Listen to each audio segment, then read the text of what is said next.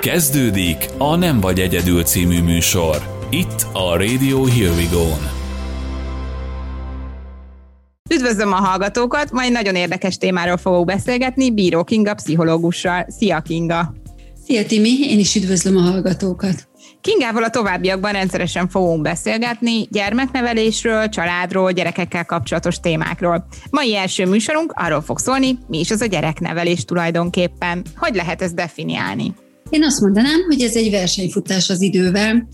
Így szülőként nap mint nap azt éljük meg, hogy csináljuk a dolgokat, csináljuk, neveljük a gyermekünket, és akkor így egyre jobban beérünk szülőként, minden rendben lesz, jó leszik, jó leszik a gyermek, nincs gond az óvodában, nincs gond az iskolában, eltűnnek az agresszív megoldásmódjai a gyermeknek, és egyszer csak azt veszük észre, hogy megint elromlott minden.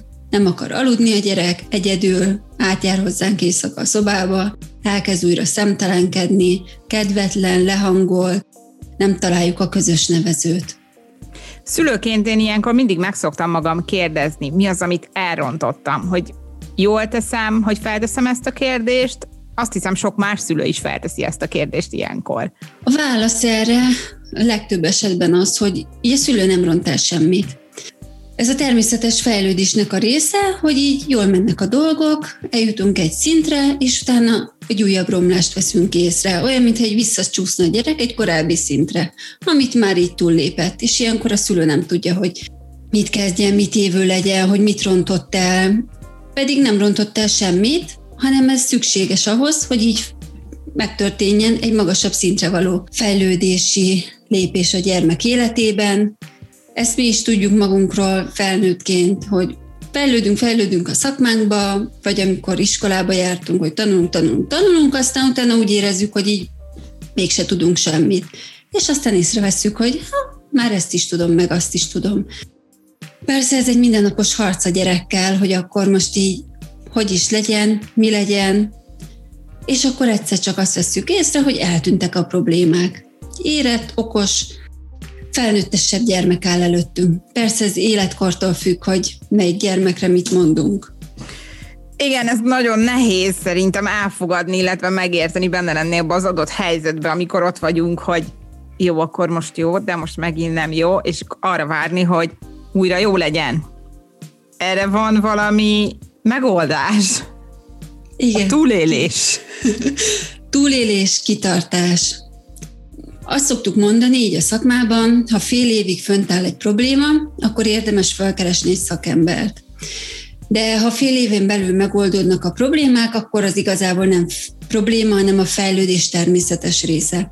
Vannak kisebb gondok, amik így a hétköznapokban jelennek meg, hogy éjszakára lesz nyűgös a gyerek, az a fáradtságnak a jele. Azt kialussza, és reggel minden megy úgy tovább, ahogy szokott.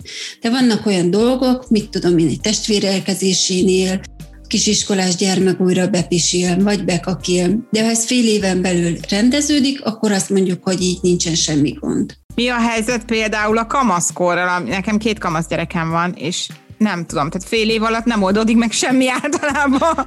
Igen, ez a kisebb gyerekekre jellemző. Serdülőknél ott évek vannak, tehát elkezdődik körülbelül 14 éves korba, és akkor örülünk, hogy 18 éves korra rendeződnek a dolgok. Persze most ez nem azt jelenti, hogy akkor így négy éven keresztül harcolunk, de igenis mindig vannak újabb dolgok, amit így szeretne a serdülő elérni a szülővel szemben, a szülő ellenáll, és akkor így a körül mennek a harcok. Attól függ, hogy mennyire kompromisszumképes a szülő meg a gyermek, hogy tudnak-e valami közös nevezőre jutni. Ez a kompromisszum, ez egy nagyon jó dolog, hogy megemlítetted. Tehát ez lehet akkor a túlélés technikája az egyik, legalábbis? Mindenképp, igen. És van esetleg más technika is mellé? A türelmen kívül és az élni akaráson kívül, vagy nem tudom, én mint szülő ezeket tartom magamnak technikának. Az a legfontosabb, hogy próbáljunk közösen szabályokat hozni tehát amihez így a serdülő is tud alkalmazkodni. Tehát ne azt mondjam, hogy este tízre legyél itthon, ha a buli tízkor kezdődik. Tehát mondjuk egy 17 éves gyerek el szeretne menni valahová, akkor azt együtt kell megbeszélni, hogy mi az az idő, amit a szülő még így elfogad, meg amit a gyerek is tud teljesíteni. Mert ha a szülő nagyon erősen ragaszkodik ahhoz, hogy már pedig én azt mondom, hogy, akkor a gyerek úgyis ki fogja játszani. Amit a szülő vagy meg tud idővel, vagy nem. És mi a helyzet a kisgyerekeknél? Például ugye náluk van enyhében ez az úgynevezett dac korszak, vagy nem tudom, hogy pszichológusként ezt hogyan nevezzük, amikor szintén ellenállnak, csak mondjuk ezt teszik három évesen. Ez dackorszaknak hívják a hétköznapi életben.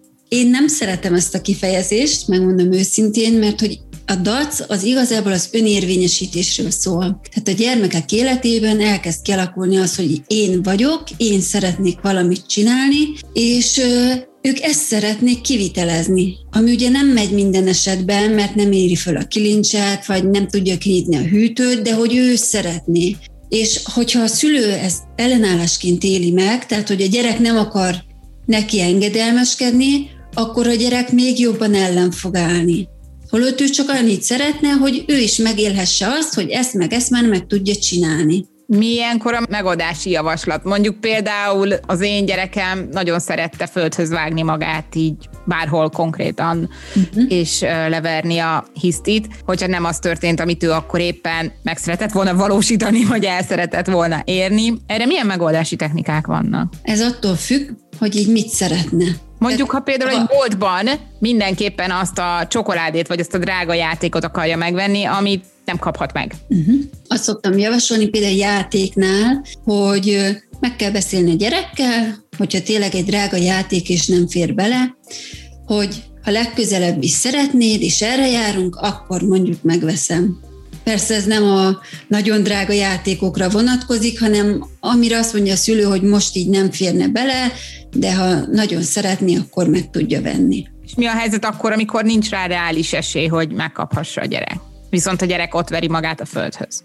Kell nagyokat nyelni, elengedni azt, a, a legtöbb esetben azért akad ki a szülő, mert hogy mit szólnak mások. Igen. Tehát, hogy ezt így el kell engedni, hogy mit szólnak mások, persze rosszul esik, hogy mit gondolhatnak, de akkor fogni kell a gyereket, ha nem megy szép szóval, tehát persze megpróbáljuk elmondani, hogy ez nem megy, nem működik, nem tudjuk megvenni, nem is fogjuk tudni megvenni, és ha nem működik, akkor fogni kell a gyereket, és akkor kimentek a boltból. Megnyugszik, és akkor utána vissza lehet menni. El fogja fogadni, tehát minden gyerek el szokta fogadni egy idő után, csak akkor ki kell venni az adott helyzetből. Tehát akkor ez a kulcs szó, hogy próbáljuk meg kivenni az adott helyzetből, amiben, ami kiváltotta a hisztit. Uh-huh. Ez olyan egyszerűnek tűnik így kimondva egyébként, de amikor a szülőként ott állsz, akkor nem tudom, az nem olyan egyszerű, azt gondolom. Nem egyszerű. Nem is tudom, hanem az első beszélgetésünket akkor le is zárhatjuk ezzel a záró mondattal, hogy mennyire nem, egyszerű, nem egyszerűek ezek a helyzetek. Köszönöm Kinga a mai beszélgetést. Én is köszönöm. Bíró Kingát hallották, Amennyiben segítségre van szükségük, vagy szeretnének többet megtudni erről a témáról, az online pszichológiai tanácsadás.com weboldalon megtalálhatják. További műsorainkat megtalálja a radiohearwego.uk weboldalon. Ha teheti, támogassa munkánkat. Támogatás.radiohearwego.uk